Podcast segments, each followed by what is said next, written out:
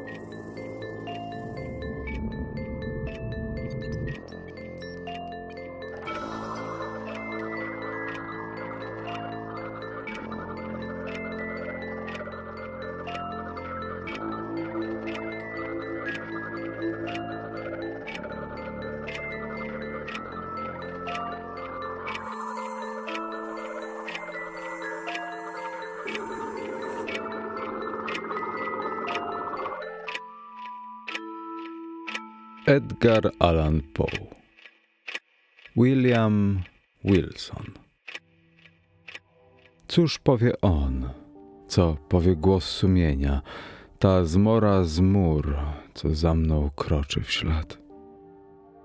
Chamberlain, Farronida.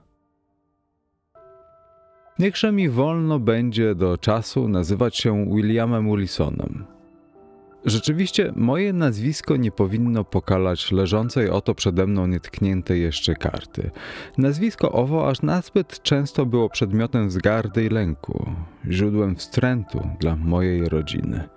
Czyliż wzburzone wichry nie otrąbiły bez przykładnej hańby tego nazwiska aż po najdalsze krańce kuli ziemskiej? O, najsamotniejszy ze wszystkich wygnańców. Czyliż nie umarłeś na zawsze dla świata, dla jego zaszczytu, dla kwiatów, dla złocących się rojeń? I czyliż chmura gęsta, ponura i bezkresna nie zawisła na wieki pomiędzy Twoją nadzieją a niebem? Gdybym mógł nawet, nie chciałbym zawrzeć dzisiaj w tych kartach wspomnień ostatnich lat trudnej do opisania nędzy ducha i nieprzebaczalnej zbrodni, ta ostatnia epoka mego życia spiętrzyła aż po kres ostateczny ilość hańbiących mnie występków i pragnę jedynie określić źródło ich pochodzenia. Jest to na razie mój zamiar wyłączny. Ludzie zazwyczaj nikczemnieją stopniowo. Co do mojej osoby, wszystka cnota w okamgnieniu znienacka opadła ze mnie jak płaszcz. Od tuzinkowej mniej więcej rozpusty siedmiomilowym krokiem przerzuciłem się w świat z mur, bardziej niż heliogabalowych. Pozwolę sobie w całej rozciągłości opowiedzieć, jaki traf, jaki jedyny w swym rodzaju mus pchnął mnie ku owym upadkom. Zbliża się śmierć i cień, który ją poprzedza, nakazem uciszeń dosięgnął mego serca. W mym pochodzie poprzez Dolinę Mroków pożądam współczucia, chciałbym rzec, miłosierdzia mych bliźnich. Pragnąłbym ich przekonać, że byłem poniekąd niewolnikiem okoliczności, które się wymykają wszelkim dozorom ludzkim. Życzyłbym, aby w szczegółach, które im podam, wykryli na moją korzyść pewną maluczką oazę przeznaczenia wśród Sahary z gruz. Chciałem, aby uznali, że chociaż ten padł słynie z wielkich pokus, nikt dotąd nigdy nie był kuszony w ten sposób i bez wątpienia nigdy w ten sposób nie uległ. Czyż nie dlatego, iż nikt nigdy nie doznał tych samych cierpień? Zaprawdę, czyliż nie żyłem we śnie, Czyliż oto nie ginę jako ofiara zgrozy i tajemnicy najdziwniejszej ze wszystkich zmór podksiężycowych. Jestem potomkiem rasy, którą zawsze wyróżniał temperament zdolny do przewidzeń i łatwo zapalny. Pierwsze lata mego dzieciństwa są już dowodem, żem całkowicie odziedziczył cechy mego rodu. Z biegiem czasu cechy owe zarysowały się dosadnie i z wielu powodów stały się dla mych przyjaciół przedmiotem poważnych niepokojów, a dla mnie źródłem istotnych krzywd. Stałem się samowolny, pochopny do najdzikszych wybryków. Oddałem się na pastwę najbardziej nieposkromionym namiętnościom. Rodzice moi, ludzie słabego charakteru, dotknięci na domiar udręką przyrodzonych i ograniczonych niedoborów, niewiele mogli przedsięwziąć dla przytłumienia złych skłonności, które zdradzałem. Nie zaniedbali ze swej strony kilku słabych i nietrafnych wysiłków, które się zgoła rozminęły z zamiarem i zakończyły całkowicie moim triumfem.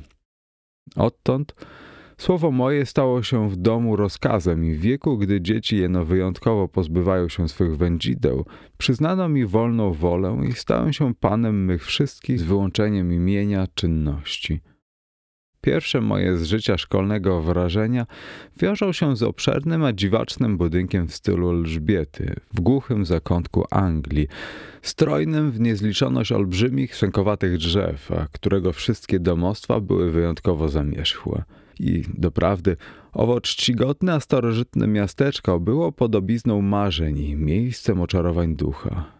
I nawet w tej chwili udziela się mej wyobraźni ożywczy dreszcz jego do głębi cienistych alei i oddech mój napełnia się powiewem jego tysięcznych gajów i dotąd jeszcze z niewytłumaczoną rozkoszą drżę na wspomnienie piersiowych, a głuchych brzmień dzwonu, który co godzina swym nagłym, a gderliwym porykiem rozszarpywał ciszę mglistej atmosfery. Kędy grążyła się drzemotą zdjęta dzwonnica gotycka, cała zębami ozdobna. Zaiste wszystek zasób dostępnego obecnie mym doznaniom szczęścia czerpię ze szczegółowych wspomnień życia szkolnego i właściwych mu mrzonek.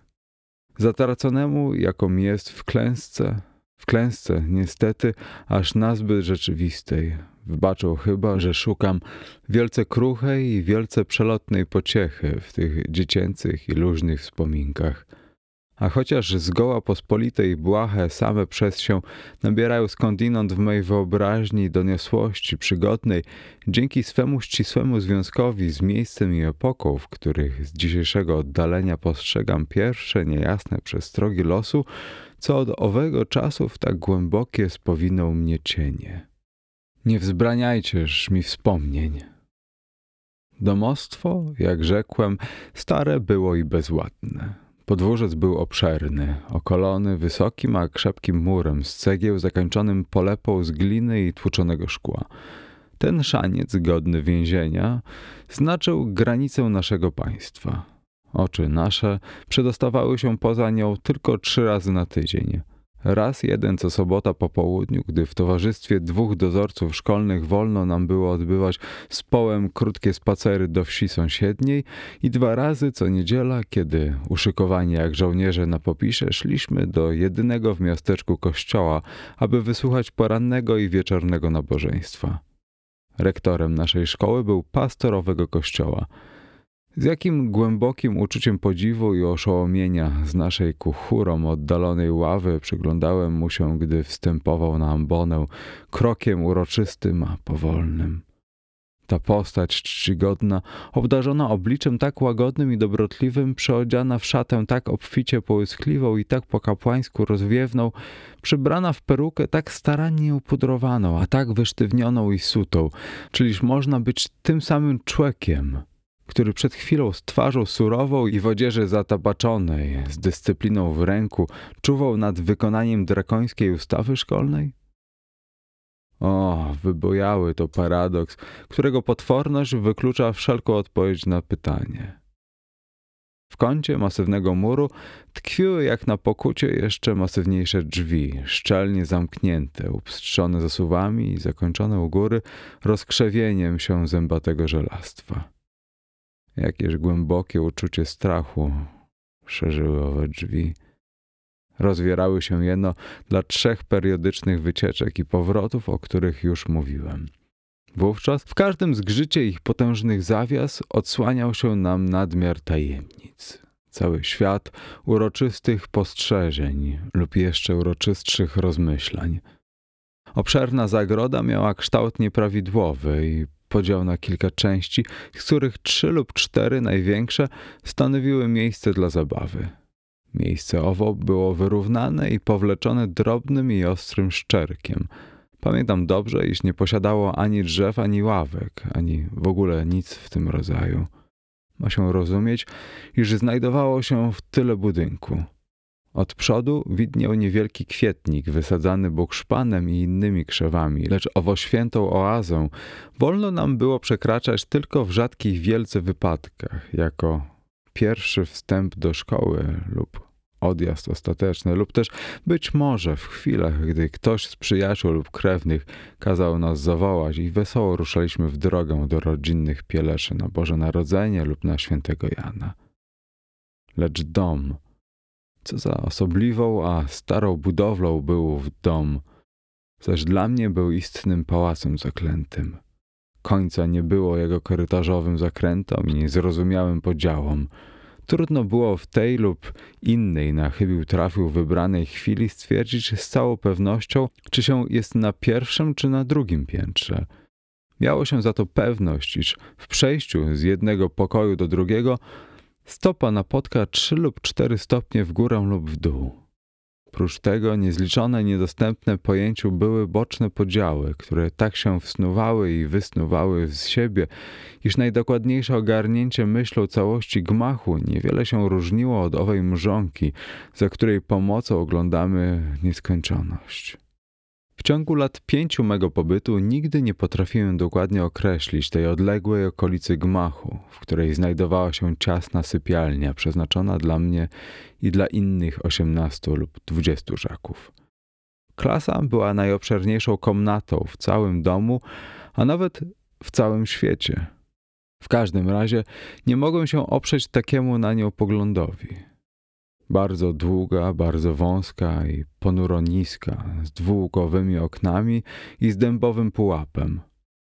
W odległym kącie, który ział postrachem, tkwiła zagroda mająca 8 do 9 stóp kwadratowych, a stanowiąca w godzinach wykładów sanktum naszego zwierzchnika, przewielebnego doktora Bransbiego. Była to krzepka budowa z masywnymi drzwiami, Niźli je rozewrzeć w nieobecności dominy, wszyscy byśmy raczej wybrali zgon od rózgi i rzemienia. W dwóch innych kątach wznosiły się dwie podobneż zagrody. Przedmioty o wiele co prawda mniejszej czci, ale w każdym razie źródła dość znacznego postrachu. Jedna z nich była katedrą mistrza humaniorów, druga zaś profesora języka angielskiego i matematyki.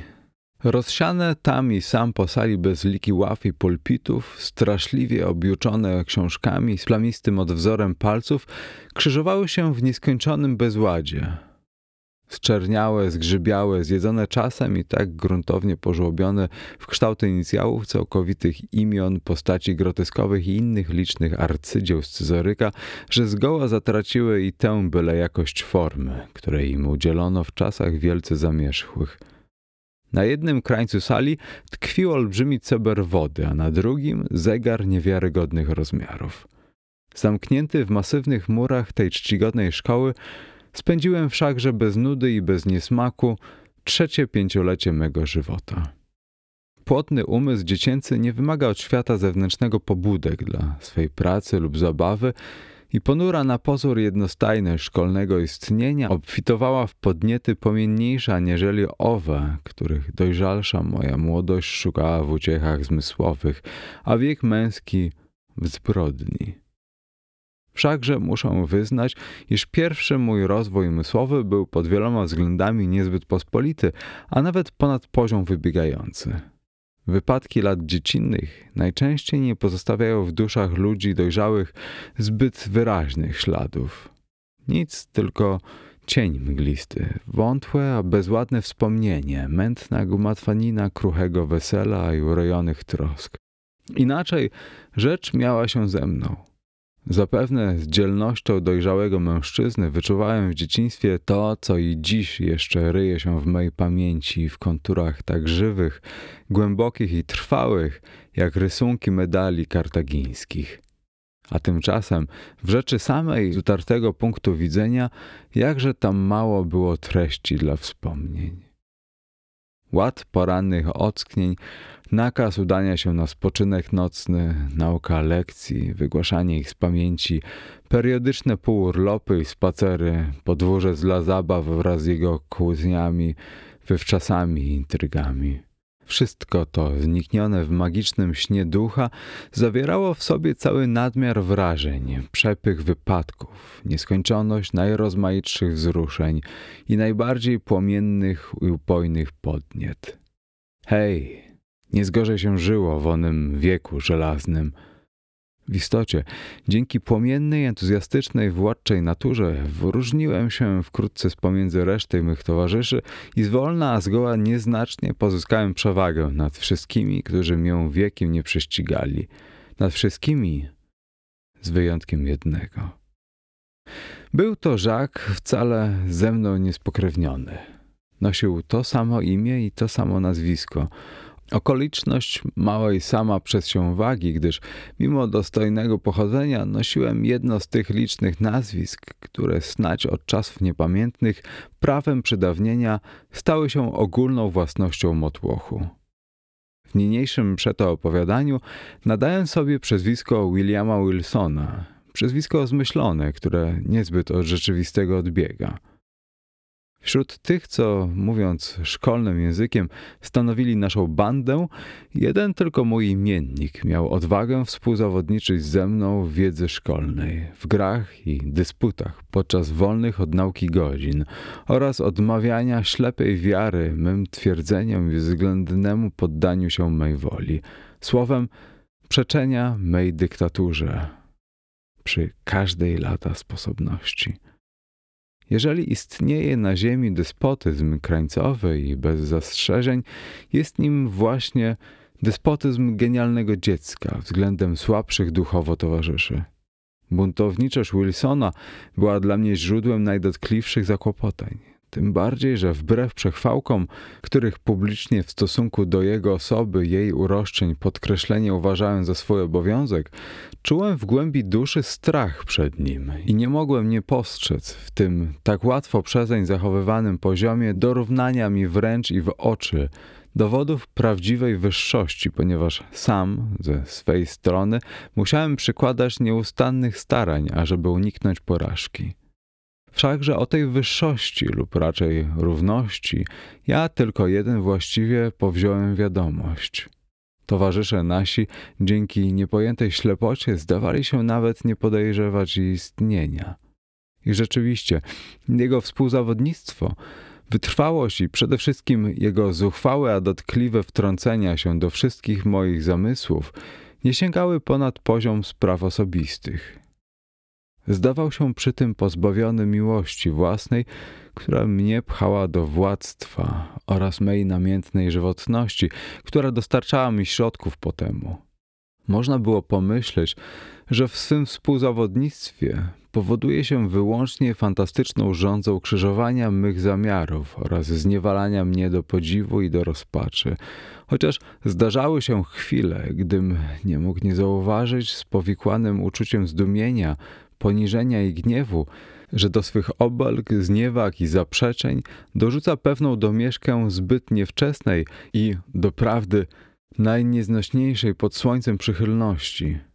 Owo dziwne zachowanie się mogę chyba wytłumaczyć sobie wyłącznie jako skutek bezwzględnej zarozumiałości, która samozwańczo posługuje się gminnym tonem orędownictwa i poparcia. Zapewne ta ostatnia cecha postępowania Wilsona, łącznie z naszym współimiennictwem oraz przypadkową zgoła jednoczesnością zjawienia się w gmachu szkolnym, przyczyniła się do rozpowszechnionego wśród uczniów klas wyższych zdania, że jesteśmy braćmi. Ci zazwyczaj niezbyt szczegółowo wglądali do życia młodszych kolegów. Wspomniałem z Dasią lub powinien był wspomnieć, iż Wilson w najdalszych nawet rozgałęzieniach nie był spokrewniony z mym rodem, lecz doprawdy, gdybyśmy byli braćmi, bylibyśmy jednocześnie bliźniętami, ponieważ po opuszczeniu zakładu doktora Bransbiego dowiedziałem się przypadkiem, że mój imiennik urodził się 19 stycznia 1813 roku godny uwagi zbieg okoliczności, gdyż ów dzień jest właśnie dniem moich urodzin. Dziwnym wydać się może ów fakt, że mimo nieustannych trwóg, o które przyprawiało mnie współzawodnictwo Wilsona, jego nieznośna przekora, nie mogłem dotrzeć do bezwzględnej dlań nienawiści. Nieodwołalnie i niemal co dzień wszczynaliśmy kłótnię wzajemną, w której przyznając mi publicznie palmę pierwszeństwa, starał się w ten lub inny sposób zaznaczyć, iż owa palma nie mnie, lecz jemu się należy. Otóż moja duma, a jego rzetelna godność trzymały nas zawsze w ścisłym zakresie przyzwoitości, a wszakże dusze nasze były sobie wzajem tak często podobne, iż tylko nasz stosunek przygodny wzbraniał być może obudzonemu we mnie uczuciu rozwinąć się w uczucie przyjaźni. Trudno mi doprawdy określić, a nawet opisać rdzeń moich dlań uczuć. Tworzyły one pstrokatą i różnorodną gmatwaninę. Była w niej gwałtowna zawziętość, która nie przydziergnęła się jeszcze w nienawiść, tudzież ocena wartości, a raczej cześć dla osoby, sporo strachu i niepomierna, a płochliwa ciekawość. Dla psychologów zbyteczny jest chyba dodatek, że obydwaj Wilson i ja byliśmy nierozłącznymi towarzyszami. Bez wątpienia osobliwość i dwuznaczność nowego stosunku Wszystkie moje szczere czy udane, lecz w każdym razie liczne przeciw jemu napaści, przekształcała raczej w szyderstwa i utarczki. Żart, czyliż nie potrafi ranić doskonale? Aniżeli w poważną i określoną wrogość.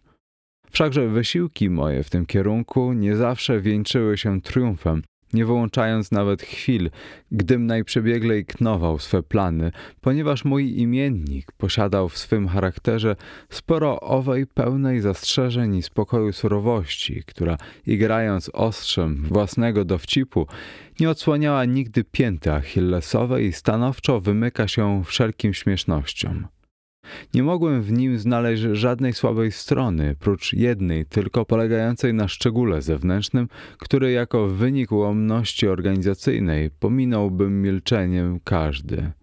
Mniej niż ja, do kresów zaciekłości doprowadzony przeciwnik. Mój współzawodnik miał niedobór w strunach głosowych, który nigdy mu nie pozwalał wybiegać głosem ponad poziom bardzo uciszonego szeptu. Nie omieszkałem wedle mej możności ciągnąć z owej kalectwa politowania godnych zysków. Wilson pomstował rozmaicie, lecz jeden szczególnie rodzaj jego złośliwego odwetu zatrważał mnie nadmiernie. Nigdym nie umiał rozwiązać tej zagadki, do jakich przebiegłych środków uciekł się w zasadzie jego umysł, aby wykryć, iż drobiazg tak nieznaczny może przysparzać tyle udręki. Wszakże zrobiwszy to odkrycie, stosował do mnie uporczywie owo narzędzie męczarni. Zawsze czułem wstręt dla mego nieudanego, bo tak niewytwornego nazwiska oraz dla gminnego, jeśli nie plebujeszowskiego zgoła imienia – Dźwięki tych zgłosek zatruwały mi uszy i kiedy w dniu mego przybycia, który William Wilson zjawił się w szkole, urągałem mu w duchu za owo imię i obrzydziłem je sobie podwójnie, ponieważ je nosił cudzoziemiec.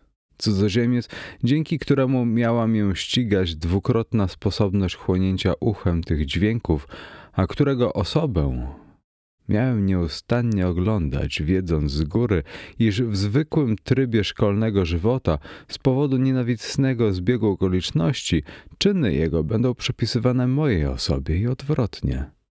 Uczucie rozdrażnienia wynikłe z owej przyczyny zaostrzało się z biegiem wypadków, które odsłaniały w całej pełni duchowe i cielesne podobieństwo pomiędzy mną a moim przeciwnikiem. Jeszcze nie wykryłem tego znamiennego faktu, że jesteśmy rówieśnikami, a już postrzegłem, że jesteśmy jednakiego wzrostu. I zauważyłem szczególne nawet podobieństwo i w całokształcie, i w rysach naszych twarzy. Doprowadzała mnie do wściekłości pogłoska o naszym pokrewieństwie, której zazwyczaj dawały posłuch klasy wyższe. Słowem, nic nie budziło we mnie poważniejszych niepokojów, chociaż ukrywałem najpilniej oznaki tych niepokojów, jak lada napomknienie o naszym podobieństwie, już to z ducha, już to z ciała, już to z daty urodzenia.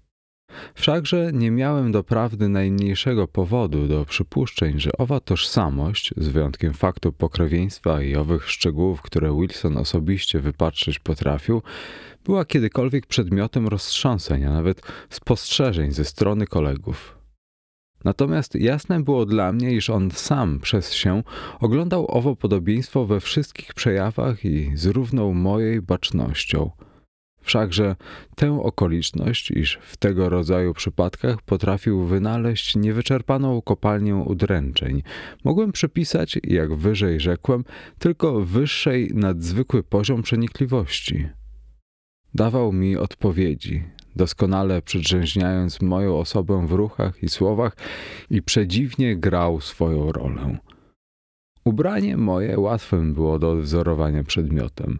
Bez trudu też przywłaszczył sobie mój chód i ogólny charakter postawy. Nawet głos mój, mimo wspomnianych niedoborów organicznych, nie wymknął się jego zaborczości.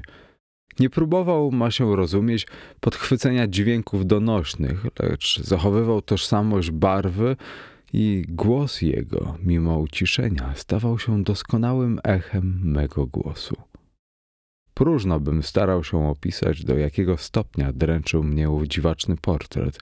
Mogę bowiem nazwać go portretem, nie zaś tylko karykaturą. Jedną tylko miałem pociechę, mianowicie tę, że naśladownictwa owego, jak mi się zdawało, nikt prócz mnie nie zauważył i miałem przeto wyłącznie mus osobistego znoszenia tajemniczych i dziwnie sarkastycznych uśmiechów mego imiennika. Zadowolony, iż mu się udało wywrzeć na mnie wrażenie pożądane, zdawał się ciszkiem radować z zadanej mi rany i okazywał szczególną pogardę dla publicznego poklasku, który z taką łatwością mógłby pozyskać dzięki swym fortunnym pomysłom. Jak się to stało, że koledzy nasi nie domyślali się jego zamiarów, nie widzieli całej roboty wykonawczej i nie przyłączyli się do jego szyderczej radości?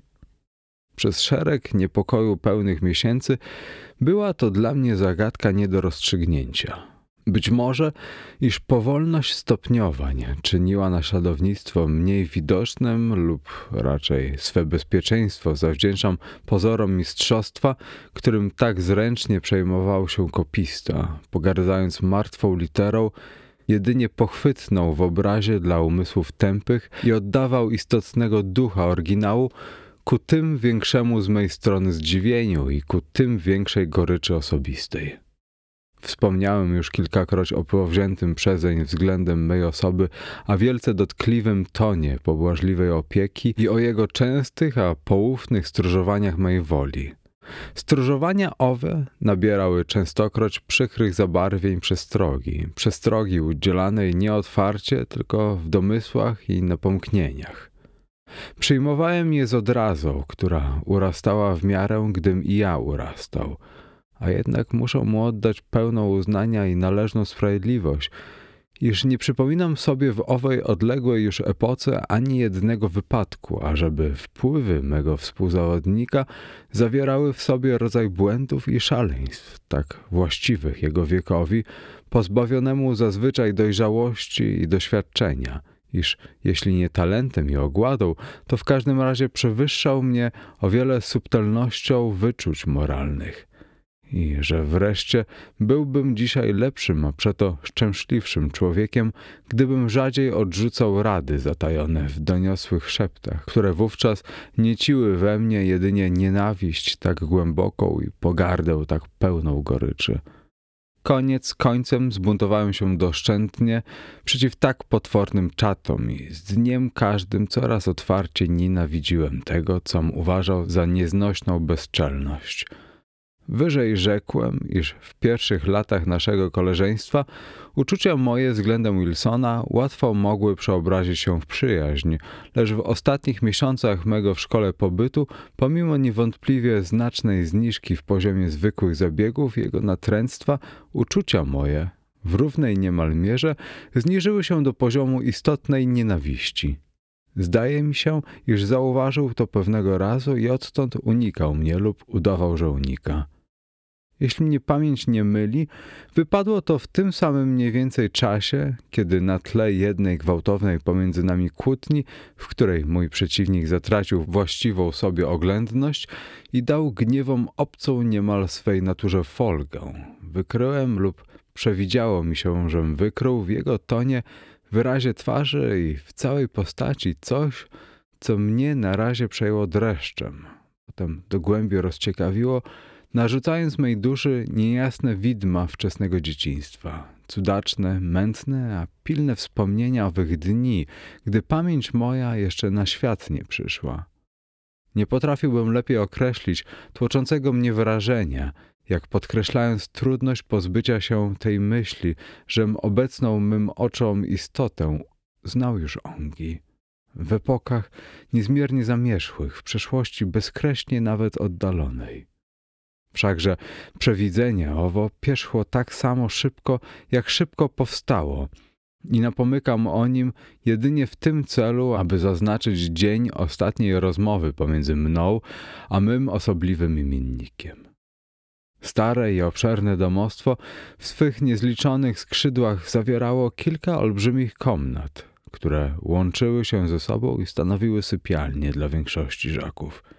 Ponadto, jak to musowo zdarza się w budynku tak nieszczęśliwie pomyślanym, istniała cała ciżba kątów i zakątków, wyniki skrawków i narożnych obrównań budowy. Oszczędnościowa wynalazczość doktora Bransbiego przecież gnęła je hurtem w sypialnię. Ponieważ jednak były to zaledwo szczupłe cele, mogły tedy dać pobyt jednej tylko osobie. Jeden z tych małych pokojów zajmował Wilson. Pewnej nocy, na schyłku piątego roku żakostwa i bezpośrednio po wspomnianej kłótni, korzystając ze snu, który wszystkich ogarnął, wstałem z łóżka i z lampą w dłoni sunąłem poprzez labirynt wąskich korytarzy z mojej sypialni do sypialni mego przeciwnika. Długo, kosztem swych wysiłków, knułem jeden z tych złośliwych figlów, jedną z tych bolesnych zasadzek, w których dotychczas zawsze pudłowałem. Powziąłem myśl natychmiastowego wykonania mych zamierzeń i postanowiłem dać mu odczuć całą głąb owej złośliwości, która we mnie wezbrała. Dotarłem do jego celi, wszedłem bez szumu, pozostawiając u drzwi lampę przesłoniętą abażurem. Posuwałem się krok za krokiem, nasłuchując szmerów jego spokojnego oddechu. Pewny, że śpi głęboko, wróciłem do drzwi, ująłem lampę i ponownie zbliżyłem się do łóżka. Okalały je kotary. Uchyliłem ich z lekka i zwolna, aby wykonać mój zamiar, lecz jeden ruchliwy promień padł wręcz na śpiącego, jednocześnie wzrok mój utkwił w jego twarzy. Jąłem się przyglądać i drętwota przerażeń, zimny dreszcz strachu przeniknęły mię błyskawicznie aż do szpiku kości. Serce zadygotało mi w piersi, kolana ogięły się pode mną. Całą moją istotę ogarnął lęk ponad siłę i ponad zrozumienie. Dyszałem konwulsyjnie, zniżając lampę jeszcze bardziej poziomo do jego twarzy. Takież to były, naprawdę takie rysy twarzy Williama Wilsona. Widziałem jak najwyraźniej, że to jego rysy, lecz dygotałem niby w febrze, majacząc, że nie do niego należą. Cóż za powód w tych rysach zatajony potrafił w takim stopniu zmącić mój umysł. Przyglądałem się nadal i doznałem zawrotu głowy pod wpływem tysiąca bezładnych wniosków. Nie ukazywał mi się w takiej postaci. Doprawdy nie okazywał mi się taki w godzinach czynnych, gdy czuwał. Tożsamość nazwiska, tożsamość rysów, jednoczesność przybycia do szkoły, a potem owo zjadliwe i niepojęte przeczeźnianie mego chodu, głosu, ubrania i sposobu bycia – Dałażby się do prawdy w zakresie codziennych prawdopodobieństw pomieścić ta okoliczność, iż to, co obecnie oglądał, było zwykłym wynikiem owego nałogu sarkastycznych małpowań? Zdjęty przerażeniem, drżący na całym ciele, zgasiłem lampę, ciszkiem wybrnąłem z pokoju i raz na zawsze opuściłem zgrzybiałe mury tej szkoły, aby już nigdy do nich nie powrócić. Po upływie kilku miesięcy spędzonych w ognisku rodzinnym w niepokalanej bezczynności oddano mnie do szkoły w Eton. Ta krótka przerwa wystarczyła, aby przytłumić we mnie wspomnienia wypadków zdarzonych w szkole Bransbiego, a w każdym razie, aby odmienić istotę uczuć niecnych owymi wspomnieniami. Rzeczywistość, tragiczny podkład dramatu pierzchły. Miałem obecnie kilka danych do powątpywania o świadectwie mych zmysłów i rzadko wspominał całe zajście bez podziwiania owego bezgranicza, którego dosięgnąć może łatwowierność ludzka oraz bez zaznaczeń uśmiechem niezwykłych zasobów odziedziczonej przeze mnie wyobraźni. Zresztą gatunek życia, który pędziłem w Eton, nie nadawał się do uszczuplenia tego rodzaju sceptycyzmu. Odmęty szału, w którym się pogrążyłem, niezwłocznie i bez namysłu pochłonęły wszystko oprócz szumowin ubiegłych dni. W okamgnieniu zatopiły wszelkie trwałe i poważne wrażenia i pozostawiły w pamięci jedynie lekkomyślną powierzchnię minionego żywota. Nie mam wszakże zamiaru określenia tu całego przebiegu mych nikczemnych wybryków. Wybryków, które urągając wszelkim prawom wymykały się wszelkiej baczności. Trzy szaleńcze, na marne, strwonione lata zdołały mnie tylko umocnić w mych występnych nałogach i niemal anormalnie wzmokły moją dojrzałość fizyczną. Pewnego dnia, po całym na zwierzęcych uciechach zmarnotrawionym tygodniu, gwoli potajemnej orgii zgromadziłem w mym mieszkaniu pewne kółko studentów. Zebraliśmy się o późnej godzinie nocnej, ponieważ rozpustę naszą mieliśmy nabożnie uprawiać aż do rana. Wino płynęło strumieniami, a nie zaniedbaliśmy innych, niebezpieczniejszych, być może pokus. Także w chwili, gdy świt od wschodu przejaśnił niebiosy, obłęd nasz i nasze wybryki doszły do szczytu. Wściekle podniecony grą w karty i winem, upierałem się przy jakimś cudacznie sprośnym toaście, gdy nagle skupienie moje rozproszył skrzyp gwałtownie, a na wpół rozwartych drzwi i pilny głos służącego znajmił mi, że ktoś o pozorach niezwykłego pośpiechu chce się ze mną rozmówić w przedpokoju. Pod wpływem osobliwego upojenia ta niespodziana przerwa raczej uradowała mnie, niżeli zdziwiła. Porwałem się chwiejnie przed siebie i uszedłszy kilka kroków trafiłem do przedpokoju. W tym niskim i wąskim wnętrzu nie było ani jednego światła i rozwidniał je tylko niezwykle wątły, a przez sklepione okno przesiany promień świtu. Stanąwszy w progu, wypatrzyłem postać młodzieńca, mniej więcej mego wzrostu, przeodzianego po domowemu w ubranie z białego kaźmirku. Skrojone według nowej mody, jak to, które miałem w tej chwili na sobie. Wątły promień udzielił mi widzenia tych przedmiotów, lecz rysów twarzy rozróżnić nie mogłem. Zaledwom wszedł, młodzieniec zrzucił się ku mnie i chwyciwszy mnie za ramię, ruchem władczego zniecierpliwienia szepnął mi do ucha te słowa. William Wilson. Wytrzeźwiałem w okamgnieniu – w postawie nieznajomego, w nerwowym drganiu palca, który trzymał wzwyż pomiędzy moimi oczyma, a brzaskiem zorzy, było coś, co napełniło mnie do cna zdziwieniem, lecz nie stąd wynikło, żem się wzruszył tak gwałtownie.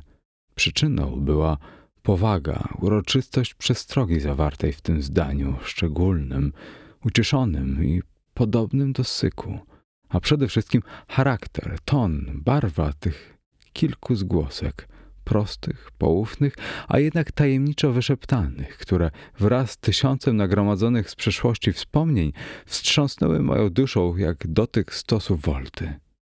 Zanim zdążyłem oprzytomnieć, młodzieniec znikł z mych oczu. Chociaż ten wypadek wywarł niewątpliwie bardzo żywe na mym nietrzeźwym umyśle wrażenie, wszakże wrażenie owo, tak żywe, wkrótce zamarło. I rzeczywiście, przez kilka tygodni już to byłem oddany najpoważniejszym badaniom naukowym, już to trwałem w mglistej powłoce chorobliwych rozmyślań. Nie starałem się zatajać przed sobą tożsamości szczególnego osobnika, który tak natarczywie dręczył mnie swym poradami. Lecz kim, lecz czym był Wilson i skąd przybywał i jakie miał zamiary? Na żadne z tych pytań nie mogłem dać wystarczającej odpowiedzi. Stwierdziłem jedynie w stosunku do jego osoby, że nagła katastrofa rodzinna zniewoliła go do opuszczenia zakładu Bransbiego w godzinach południowych owego dnia, który był dniem mojej ucieczki. Po pewnym jednak czasie przestałem myśleć o tym i uwagę moją pochłonął całkowicie zamierzony wyjazd do Oksfordu. Tam, dzięki próżnej hojności rodziców, która mi pozwalała pędzić życie wystawne i otaczać się dowoli tak upragnionym mi już od dawna przepychem, zdobyłem wkrótce możność prześcigania w zbytkach najdumniejszych nawet dziedziców najbogatszych hrabstw Wielkiej Brytanii.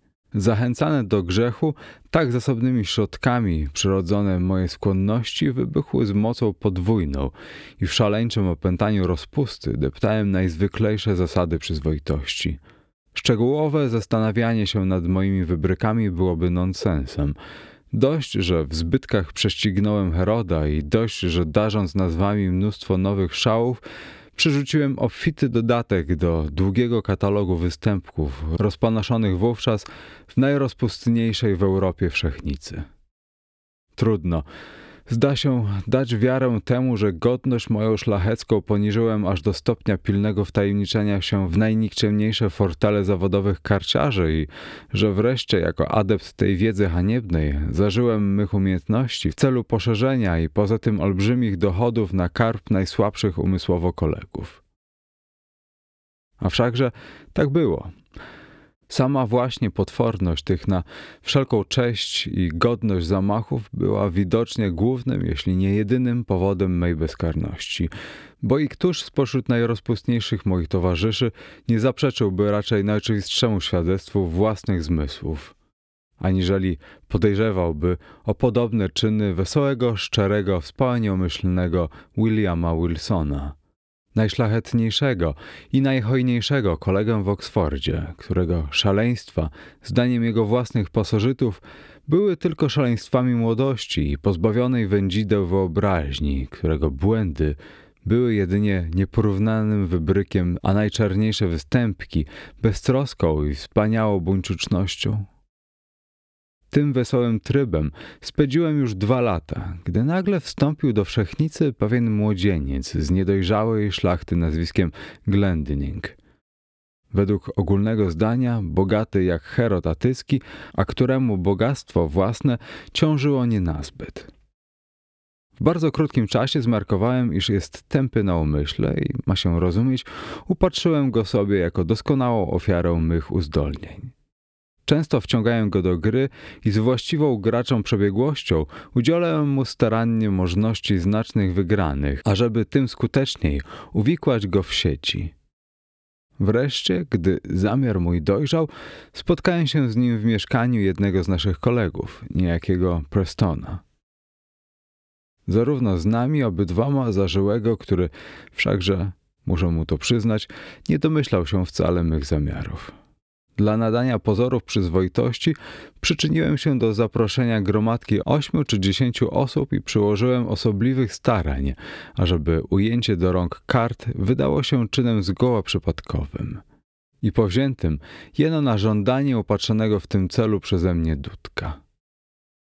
Aby skrócić tak hańbiącą opowieść, nadmienię tylko, że nie zaniedbałem żadnego z owych nikczemnych wybiegów, którego stosowanie w podobnych razach tak się już utarło, iż godna jest podziwu niewyczerpana nigdy obecność na ziemi głupców przeznaczonych na ofiarę wspomnianych wybiegów. Gra nasza przeciągnęła się do późna w noc, gdym wreszcie zadziałał, że Glendinning stał się jedynym moim partnerem. Była to właśnie moja ulubiona gra, Ekart. Reszta towarzystwa, rozciekawiona wybujałymi stawkami naszej gry, postroniła swe karty i otoczyła nas kołem. Nasz przybysz, którego w pierwszej połowie wieczoru chytrze skusiłem do grubej wypitki, tasował, rozdawał i grał z dziwną nerwowością, popartą poniekąd, lecz zdaniem moim, niezupełnie wytłumaczoną upojeniem. Stał się też wkrótce moim dłużnikiem na pokaźną sumę, gdy nagle żłopnąwszy olbrzymią szklanicę Oporto, uczynił to, co z zimną krwią przewidział, a mianowicie zaproponował podwojenie już i dotychczas zbyt przesadnych stawek. Udając opór trafnie i wyczekawszy owej chwili, Gdy ponowna moja odmowa pobudziła go do ostrych słówek nadających mej zgodzie pozór ukrytej urazy, przystałem w końcu na jego żądanie. Stało się to, co stać się musiało. Ofiara całkowicie uwikłała się w mych sieciach. W niespełna godzinę dług jego urósł czterykroć. Od pewnego czasu twarz jego pozbyła się barwnych, a winem przysporzonych rumieńców, lecz w tej chwili postrzegłem ze zdziwieniem, iż powleka ją iście przeraźliwa bladość.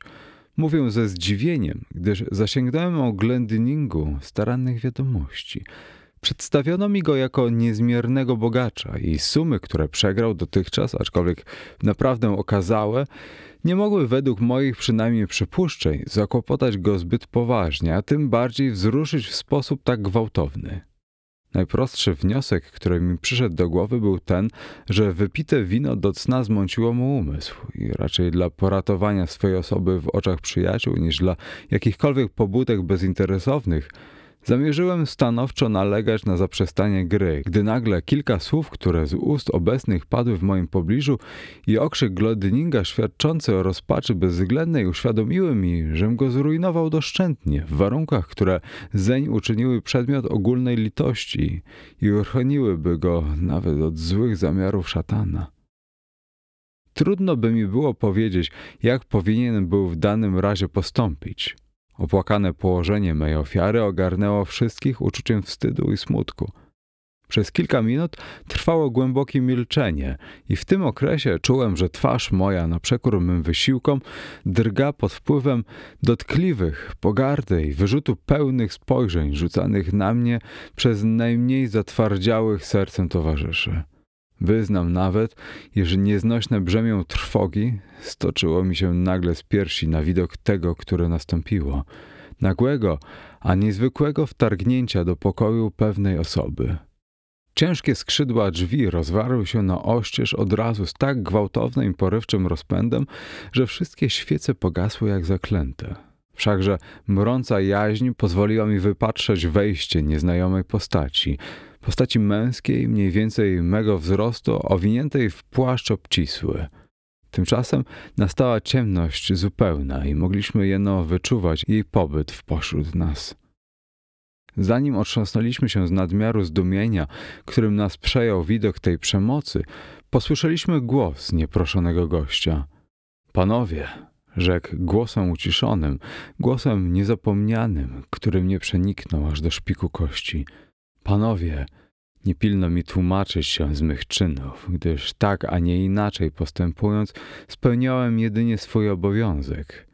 Nie jesteście bez wątpienia należycie świadomi gatunku owego człowieka, który tej nocy ograł lorda Glodninga na niepomierną sumę. Chcę wam udzielić szybkich i stanowczych sposobów zdobycia tych wielce ważnych wiadomości – Zechciejcie oto zbadać podszewkę wyłogów jego lewego rękawa oraz kilka drobnych paczek, które się znajdą w niezgorzej pojemnych kieszeniach jego haftowanej na domowy użytek odzieży. Gdy mówił te słowa, panowała tak głęboka cisza, iż posłyszałbyś zlot szpilki na dywan. Gdy skończył, wyszedł natychmiast tak samo nagle, jak nagle wszedł. Czyliż mogę opisać, czyliż opiszę moje wrażenia. Mamże potrzebę zaznaczenia, żem doznał wszystkich przerażeń skazanego na śmierć? Miałem wprawdzie mało czasu do rozmyślań. Kilka rąk schwyciło mnie groźnie i natychmiast zapalono światła. Nastąpiły poszukiwania – w podszewce mego rękawa znaleziono wszystkie najniezbędniejsze do gry w kart grupy, a w kieszeniach mego ubrania kilka talii kart, najzupełniej podobnych do tych, których używaliśmy podczas swych zebrań, z tą różnicą, że moje należały do ściśle tak zwanego rodzaju poprawionych. To znaczy, iż honory miały nieznacznie wypuklizny u węższych krańców, a młotki niedostrzegalne wypuklizny u szerszych krańców. Dzięki takiemu podziałowi ofiara zazwyczaj przekładając karty wzdłuż talii, czyni to w sposób, który niezmiennie dostarcza partnerowi jednego honoru, podczas gdy szuler, przekładając w poprzek, nigdy nie udzieli swej ofierze karty, którą by mogła zakarbować na swą korzyść.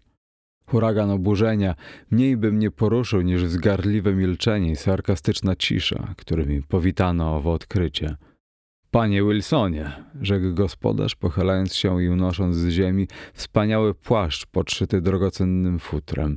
Panie Wilsonie, oto pańska własność. Dni były zimne i wychodząc z domu narzuciłem na mój poranny przyodziewek płaszcz, który zdjąłem, stanąwszy na placu gry. Przypuszczam, dodał, oglądając z gorzkim uśmiechem fałdy mego płaszcza, iż poszukiwanie tutaj nowych dowodów pańskiego mistrzostwa jest zgoła zbyteczne. Zaprawdę mamy ich dosyta. Ufam, że zrozumie pan konieczność opuszczenia Oxfordu, a w każdym razie niezwłocznego usunięcia się z mego domu.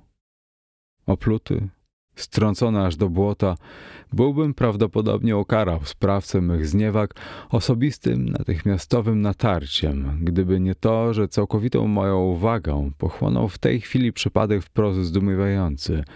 Płaszcz, w którym przyszedłem, był podbity futrem wspaniałym, niewiarygodnie rzadkim i cennym. Brak mi zresztą słów po temu. Krój jego był krojem fantastycznym mego własnego wynalazku, ponieważ w tego rodzaju błahostkach byłem zaciekle wybredny i posuwałem szał dandyzmu aż do absurdu. Otóż gdy Preston podał mi ów, który podniósł z ziemi z pobliża drzwi, ze zdziwieniem, dosięgającym przerażenia, postrzegłem, że mam już swój płaszcz na ramionach, bom bez wątpienia przywdział go bezwiednie i że ten, który mi Preston podawał, był dokładnie w najmniejszych szczegółach podobizną mego płaszcza. Dziwną istotę, która mnie tak straszliwie zdradziła, spowijał, pamiętam to dobrze, płaszcz i nikt z obecnych, okrom mnie, w płaszczu nie przyszedł. Zachowując resztę przytomności, wziąłem do rąk płaszcz, który podał mi Preston i bez zwrócenia czyjejkolwiek uwagi narzuciłem go powierzch mego płaszcza. Wyszedłem z pokoju z wyzwaniem i pogróżką w oczach. Nazajutrz, zanim świt zaświtał jak szalony, uciekłem z Oksfordu na kontynent, śmiertelnie porażony lękiem i wstydem. Nadaremnie uciekałem – Ścigał mnie mój los przeklęty, triumfu pełen, jakby chciał mi dowieść, że dotychczas jedynie zapoczątkował działanie swych potęg tajemniczych. Zaledwie dotknąłem stopą Paryża, a już miałem nowy dowód nienawistnego w mym życiu udziału Wilsona. Lata płynęły, a ja mnie zaznał wytchnienia. Nikczemny, z jakąś natarczywą służalczością, z jakimś widmowym przeczuleniem stanął w Rzymie pomiędzy mną a rządzą zaszczytów a w Wiedniu, a w Berlinie, a w Moskwie. Byłże taki zakątek, gdzie nie miałbym bolesnej sposobności do miotania nań przekleństw ze dna mego serca. Gnany strachem panicznym, uciekałem w końcu od jego niedocieszonej tyranii, jak od zarazy. Uciekałem aż na krańce świata. Uciekałem nadaremnie i nieustannie, nieustannie badając ukradkiem własną duszę, powtarzałem te same pytania. Kto zacz jest? Skąd przybywa? Jakie knuje zamiary? Lecz znikąd nie było odpowiedzi. Z drobiazgową pilnością rozważałem źdźbło po źdźble, sposoby, metodę i najistotniejsze cechy jego zuchwałych czatowań – Lecz i tu jeszcze niewiele wykryłem z tego, co mogło stać się podłożem dla domysłów. Znamienna to była zaista okoliczność, iż w tych częstych wypadkach, gdy niedawno jeszcze stawał mi w poprzek drogi, czynił to jedno w celu pokrzyżowania mych zamiarów i przeszkodzenia zamysłom, których wykonanie pociągnęłoby tylko za sobą gorzką klęskę. Marne doprawdy usprawiedliwienie tak samozwańczo narzucającej się przemocy. Marne odszkodowanie przyrodzonych, a tak natarczywie, tak zuchwale odpartych zasad wolnej woli. Miałem też sposobność zaznaczenia, że mój oprawca od dłuższego czasu starannie i z cudotwórczą zręcznością, przestrzegając manii utożsamiania mi się w odzieży, potrafił zawsze, ilekroć czynił wstręty mej woli, pozbawić mnie możliwości oglądania rysów swej twarzy. Kimkolwiek był ów przeklęty Wilson, tajemniczość tego rodzaju niezaprzeczenie była szczytem przesady i niedorzeczności.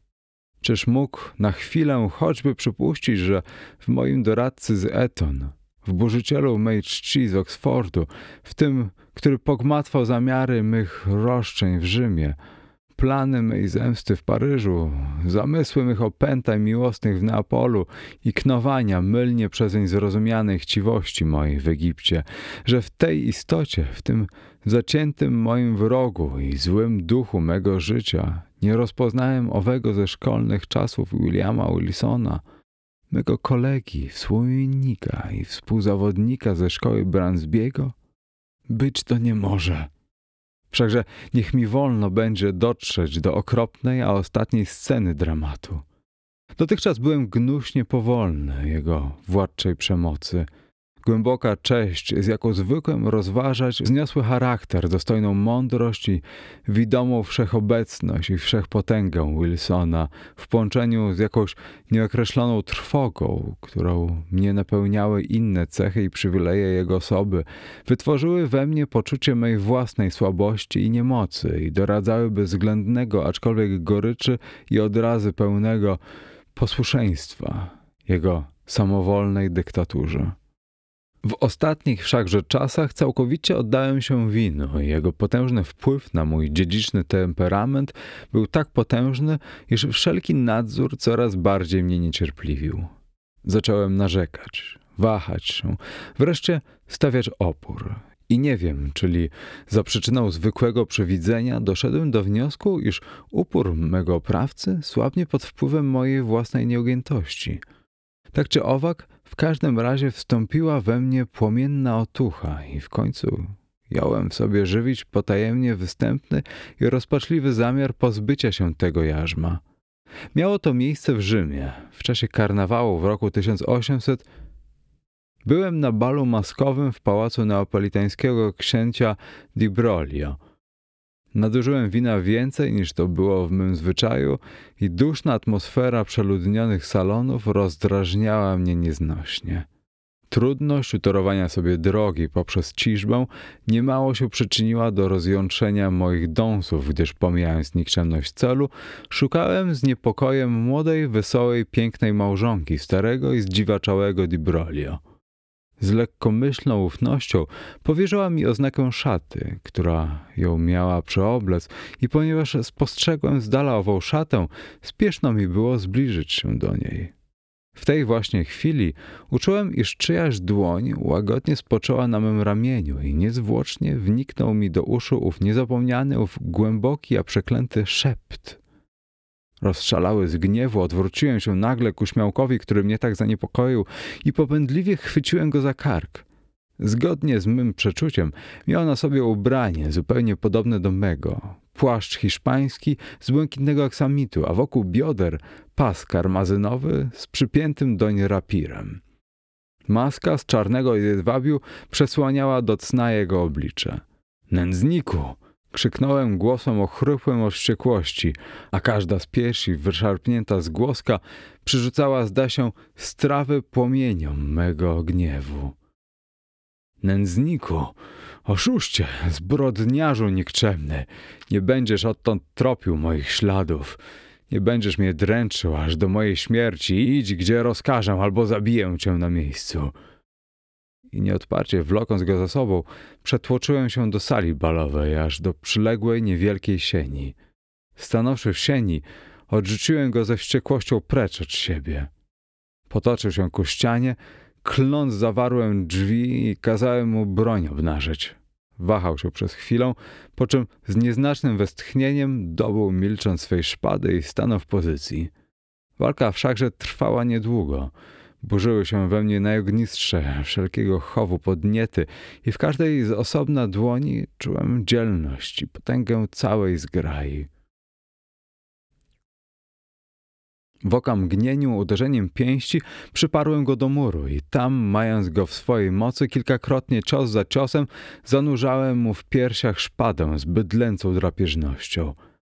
W tej chwili ktoś dotknął klamki u drzwi – Pośpiesznie zapobiegłem natrętnemu najściu i niezwłocznie powróciłem do konającego wroga. Lecz jakiż język ludzki podoła dość opisowi owego zdumienia, owego przestrachu, który mnie ogarnął na widok tego, co ujrzały wówczas oczy. Przelotne mgnienie, stracone przeze mnie na zbliżenie się ku drzwiom, wystarczyło widocznie, aby u podstaw odmienić właściwy ład przeciwległych zakątków pokoju. Olbrzymie zwierciadło, tak mi się wydało, w owym popłochu piętrzyło się tam, gdziem poprzednio ani znaku po temu nie widział i ponieważ zdjęty przerażeniem, szedłem ku temu zwierciadłu, własne moje odbicie, z twarzą wszakże pobladłą od krwi plamistą, szło ku mnie na spotkanie krokiem słabym i chwiejnym. Tak mi się, powtarzam, zdawało, lecz było nie tak. To wróg mój, to Wilson trwał przede mną w swej agonii. Maska jego oraz płaszcz leżały na podłodze, tam gdzie porzucił. W jego tak znamiennej, a osobliwej twarzy, w jego stroju, każdy rys, każda nitka była moja, był mój. Był to bezwzględny triumf tożsamości. Był to Wilson, lecz Wilson, wyzbyty na teraz szeptu w swym głosie, tak iż mogłem pomyśleć, że sam wymawiam te słowa, które on właśnie do mnie skierował. Zwyciężyłeś i przeto ulegam. Lecz odtąd umarłeś na równi ze mną. Umarłeś dla ziemi, dla nieba i dla nadziei we mnie istniałeś i spojrzyj w moją śmierć, spojrzyj wskroś tej, która jest Twoją postaci, jak doszczętnie zamordowałeś siebie samego. Tłumaczył Bolesław Leśmian. Muzyka Błażej Lindner Jacek Brzezowski czytał Jacek Brzezowski. Cześć, tu Jacek. Jeśli spodobało Ci się Tchnienie Grozy i lubisz historię oraz gry fabularne, a może chcesz się nimi zainteresować, to zapraszam Ciebie na swój drugi podcast 6, 10, 12. Pisane osobno cyframi jako 6, odstęp 10, odstęp 12 do znalezienia na YouTube oraz Spotify, a także innych platformach. Zapraszam serdecznie do słuchania.